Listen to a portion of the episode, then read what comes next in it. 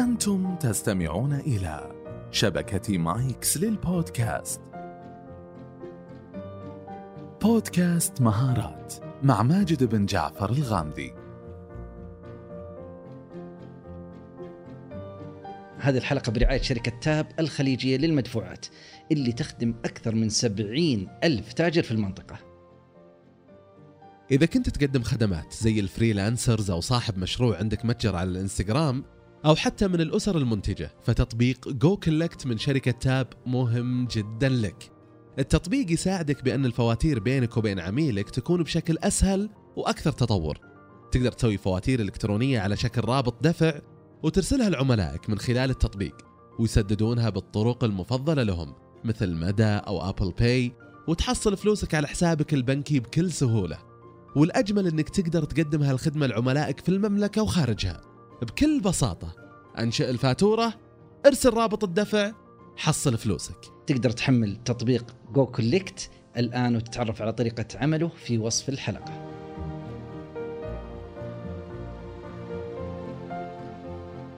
فلان ذكي. إيش أول ما يتبادر إلى ذهنك؟ اللي هو الذكاء الذي نعرفه ورسم في أذهاننا أن الإنسان كأنه آلة، عنده تحليل، منطق، استقراء، تخزين معلومات، استرجاعها. ولكن الذكاء مفهومه أوسع، فهناك ذكاءات متعددة وليس حصرا في هذا الشكل. اليوم سوف نتحدث عن الذكاء العاطفي. السلام عليكم ورحمة الله، أسعد الله أيامكم كل خير، سعيد بهذا التفاعل الجميل على الحلقة الأخيرة حلقة تعلم كيف تتعلم تعليقات كثيرة وصلت إلى صفحتنا صفحة مهارات في تويتر. تواصلكم الدائم يسعدنا ويفرحنا. ويجعلنا أيضا نختار عناوين الحلقات القادمة. اليوم سوف نتحدث عن حلقة الذكاء العاطفي. الذكاء مفهومه كبير وواسع. ولذلك يرى بعض العلماء مثل هوارد جاردنر أن الذكاء متعدد وأنه ليس شكل واحد. فمثلا من أنواع الذكاء الذكاء الجسدي. وهو ذكاء الحركة ونجد عند اللاعبين والرياضيين كيف يتحركون بذكاء. الذكاء اللغوي في استخدام الكلمات المناسبة بدقة عالية. الذكاء المنطقي في عمليات الحسابية والرياضية. الذكاء المكاني أو البصري وهذا تجده عند الفنانين يستطيع إنه عنده ذكاء بصري عالي. أيضا من أنواع الذكاء الذكاء الصوتي أو النغمي عند الموسيقيين والملحنين وغيرهم. نريد أن نركز أن الذكاء ليس واحدا ولكن هي ذكاءات متعددة. حديثنا عن الذكاء العاطفي بإذن الله تعالى. هذه معلومة حلوة مهمه. يراها كثير من العلماء المتخصصين في هذا الموضوع مثل دانيال جولدمان وهذا عنده كلام جميل وعنده كتاب اسمه الذكاء العاطفي ثم بعد ذلك ألف كتاب آخر اسمه الذكاء العاطفي 2.0 موجودة كلاهما في كبرى المكتبات وأيضا موجودة أونلاين يمكن تحميلها. يرى هذا العالم وغيره أنه النجاح في الحياة بالذكاء العاطفي فرصته أعلى بكثير من الذكاء العقلي الذهني. ولذلك يقول يمكن عزو الذكاء العاطفي للنجاح في الحياة ضعفي ما يعزى إلى الذكاء العقلي والذهني، تبغى تكون ناجح في حياتك؟ ركز على الذكاء العاطفي ترى فرصته كبيرة، ولذلك عندنا الذكاء العقلي والذكاء العاطفي. الذكاء العقلي يقاس ببعض اختبارات الذكاء المشهورة والمعروفة اللي هي ال IQ الآن طلع أيضا معايير واختبارات جديدة وحديثة في قياس الذكاء العاطفي اللي هي ال EQ فيبقى أنها ليست علمية ودقيقة 100% ولكنها تعطي مؤشرات مهمة وعالية. أول حاجة خلينا نعرف ما معنى كلمة الذكاء العاطفي؟ هناك تعريفات كثيرة اختصرت أبسطها وأجملها. هو القدرة على معرفة وقراءة مشاعرك. وعواطفك وانفعالاتك ومن ثم ضبطها وإدارتها بما يحفزك ويخدمك في حياتك الشخصية والعملية. وكذلك القدرة على معرفة وتفهم مشاعر وانفعالات الآخرين وتسخير هذه المعرفة لبناء علاقات اجتماعية فعالة. طيب أنا ليش أتعلم الذكاء العاطفي؟ إيش أهميته في حياتي؟ هناك كثير من القضايا التي تجعلنا يجب أن نهتم في الذكاء العاطفي. أول حاجة يساعدنا على بناء علاقات ممتازة مع الآخرين. ثاني أمر يجعلنا نفهم عواطفنا وقدراتنا. ثالثا يجعلنا أكثر نجاحا في الحياة الشخصية والوظيفية لأنه لديك ذكاء عاطفي. رابعا يقولون بأن الذكاء العاطفي يحول النوايا إلى أفعال. كثير من الأحيان يقول واحد والله إن شاء الله إني ناوي بسوي كذا بسوي كذا. طيب ليش ما سويت؟ "مم، والله ما حصل. طيب الذكاء العاطفي ترى يساعدك أن يحول هذه النوايا الطيبة إلى أفعال بإذن الله تعالى. خلونا ننتقل إلى شيء كذا جميل وحلو ومرتب فيما يتعلق في نموذج آه، في الذكاء العاطفي. يعطينا خمس خطوات حتى أتعلم الذكاء العاطفي. نحن في بودكاست مهارات نركز على الخطوات العملية أكثر من الناحية المعرفية. المعرفية موجودة ولكن نبغى خطوات عملية كمهارة أكتسبها. اليوم جبنا لكم نموذج حلو وسوف تجدونه إن شاء الله تعالى مصمما وجميلا في صفحتنا في تويتر بودكاست مهارات. نموذج اسمه دانيال جولدمان اللي ذكرت لكم كتابه عن الذكاء العاطفي.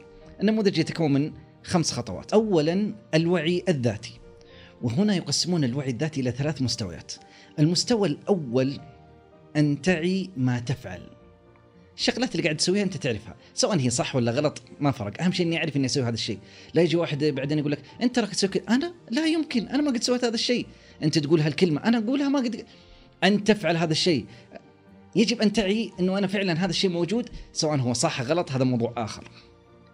فهذا الوعي بالذات أول درجاته. ثاني مستوى من مستويات الوعي بالذات أن تشعر حيال ما تفعل. ما هو شعورك تجاه هذا الشيء؟ أنا والله دائم الإهداء لمن هم قريبين مني العائلة الأسرة الأصدقاء. ما هو شعورك؟ آه والله شعوري كذا و... آه يا سلام أنت صار عندك وعي بشعورك الجميل الرائع عندما تهدي الآخرين. طيب عندما يكون أمر آخر سلبي ما هو شعورك حيال هذا الشيء؟ هذا وعي بالذات. فأنا عرفت ماذا أفعل عرفت ما هي مشاعري تجاهه. المستوى الثالث من مستويات الوعي بالذات وهو الجزء الأصعب معرفة ما لا تعرف عن نفسك. في نقاط غامضة أنت ما تعرف عن نفسك وتتفاجئ. يا ناس أنا أسوي هذا الشيء؟ سبحان الله ما كنت أدري. لين يثبتوا لك أنه فعلا تلقى اثنين ثلاثة يقول آه تراك تسوي هالشغلة. هذا هو الجزء الأصعب أنه في أمور أنت ما كنت تدري عنها. لماذا لا نعلم عنها بعض الأحيان ونحن, ونحن نفعلها؟ يقولون عدة اعتبارات. واحد أننا نعيش في زمن متسارع وزمن فيه من التشتت ما الله به عليم. لذلك لا تستطيع أن تركز. يعني شوي تلقى تلقائيا الواحد أخذ جواله وفتح شيء من منصات التواصل الاجتماعي تويتر فيسبوك آه، انستغرام يوتيوب بودكاست غيرها. هو لا يعيش مع نفسه. بعض الأحيان يفكر يحلم في المستقبل القريب. المستقبل البعيد كيف سوف تكون حياته؟ التفكير مع الذات ترى جيد ولكن لا نعطي أنفسنا فرصة لكثرة المشتتات. نعود إلى نموذج الذكاء العاطفي لدانيال جولدمان والخطوة الثانية إدارة المشاعر. يقول لك التحكم بالذات. أنا عرفت عندي بعض المشاعر وكان عندي وعي ذاتي فيها. الخطوة هذه مهمة أنك تكون قادر على أن تتحكم في مشاعرك سلوكياتك اندفاعك. هذه العواطف يحتاج أن تكون تحت التحكم بشكل عالي جدا وأن يكون القرار يجمع بين قرار عقلاني وقرار فيه تصرف عاطفي ذكي بوعي وبعقل. خلونا نعيد هذه. العقل يجب أن يكون حاضر وموجود وهو الذي يرسل إنه هذا الموطن يحتاج إلى فعل عاطفي حتى تخفف عمن حولك أو تخفف عن نفسك. رقم ثلاثة تحفيز الذات. وهذه تحدثنا عنها في حلقة سابقة في بودكاست مهارات. عودوا إلى الحلقات السابقة سوف تجدون حلقة عن تحفيز الذات. واستقينا كثير من معلوماتها من كتاب 100 طريقة لتحفيز نفسك وتتذكرونها جيدا لمن هم مستمعي دائمين لبودكاست مهارات. ما هي أهمية تحفيز الذات؟ يا أخي تكلم مع نفسك حفز نفسك. أنا إيش اللي أستأنس عليه؟ أفعل وأنا مستأنس. ترى الحياة قصيرة صعب إنك تخلي كلها في عمل. وكلها في أمور فيها مكدرات وكلها عشان أرضي الآخرين. أهم حاجة في حياتك هي ذاتك أنت. أنا كيف أحفز نفسي؟ كيف أنا أستانس حتى إذا أنا كنت في سعادة وراحة سوف يسعد من حولي؟ هذه في غاية الأهمية ولذلك أوصيكم بقوة للعودة لتلك الحلقة. الخطوة الرابعة التي تساعدك على الذكاء العاطفي هي التعاطف مع الآخرين ونسميه بطريقة أخرى الوعي الاجتماعي. المجتمع من حولك المجتمع الصغير القريب الذي تلامسه يجب أن أكون واعي بهم ثم أتعاطف معهم في كل موقف بما يتناسب مع هذا الموقف في مخاوفهم ماذا أقدم لهم؟ هذا جزء من الذكاء العاطفي اني اكون قريب منهم. كيف أشعرهم بالراحة الاجتماعية؟ كيف أتعاون معهم؟ كيف أجعلهم محفزين لي للعمل؟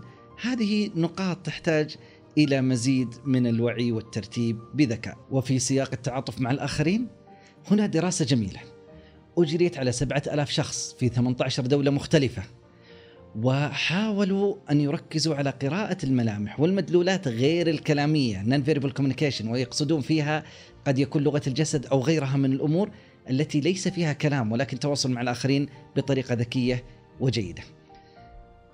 تقول الدراسة أن التكيف العاطفي حسب الموقف يعطيك زيادة في الشعبية والقبول عند الناس. وأيضا وهذا ليس غريبا يصبح الشخص مرهف الإحساس وبالعموم وجد أن النساء أفضل من من الرجال بكثير في مثل هذه السمات التي تمثل التعاطف. والتعاطف يساعد في الحياة الشخصية، الحياة الأسرية وهذا ليس بمستغرب لأهمية التعاطف. سؤال اسأل نفسك متى آخر مرة تعاطفت مع من حولي؟ قد يكون أخ صغير، كبير، زوج، زوجة، صديق في العمل، متى آخر مرة؟ وكنت معه دعمي عاطفي بحت. هذا أحد دلالات الذكاء العاطفي. إذا تتذكرها قبل كم شهر هنا إشكالية. يحتاج أن تكون حاضرا وألا تموت جدوى العاطفة الإيجابية لديك. الخطوة الخامسة إدارة العلاقات.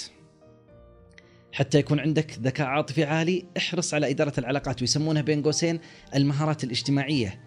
أن تعرف خلاص الآن من مع من حولك وصار عندك وعي في المجتمع كيف أدير هذه العلاقات؟ هناك ناس يجب أن تخرجهم من دائرة علاقاتك لأنهم مزعجين لك دائما مشاكل دائما. هؤلاء يجب أن أستبعدهم أو أجعلهم في دائرة بعيدة لي تواصل معهم ولكن في المناسبات ومحدود وفي ناس رائعين جميلين حرام أنا مخليهم في دائرة بعيدة. تعالوا قربوا. أنا أحاول أقترب منهم بوعي وذكاء في العلاقات الاجتماعية. أقترب منه أكثر حتى أستفيد ويكون هو عون لي بعد عون الله سبحانه وتعالى. ختاما أختم بمقولة لأرسطو. يرى أرسطو أن المشكلة لا تكمن في المشاعر أو العاطفة نفسها وإنما في طريقة التعبير عنها ومناسبة الموقف للتعبير عن العاطفة. وعلى فكرة هذه الحلقة برعاية شركة تاب الخليجية للمدفوعات اللي تخدم أكثر من سبعين ألف تاجر في المنطقة. تقدر تحمل تطبيق جو كوليكت الآن وتتعرف على طريقة عمله في وصف الحلقة.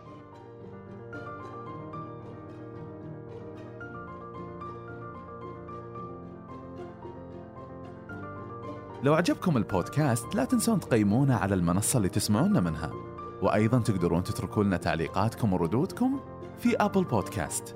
وأخيرا يسعدنا مشاركتك للحلقة للناس اللي حولك اللي تعتقد أنهم بيكونون مهتمين بمحتواها. نلقاكم في الحلقة الجاية بإذن الله.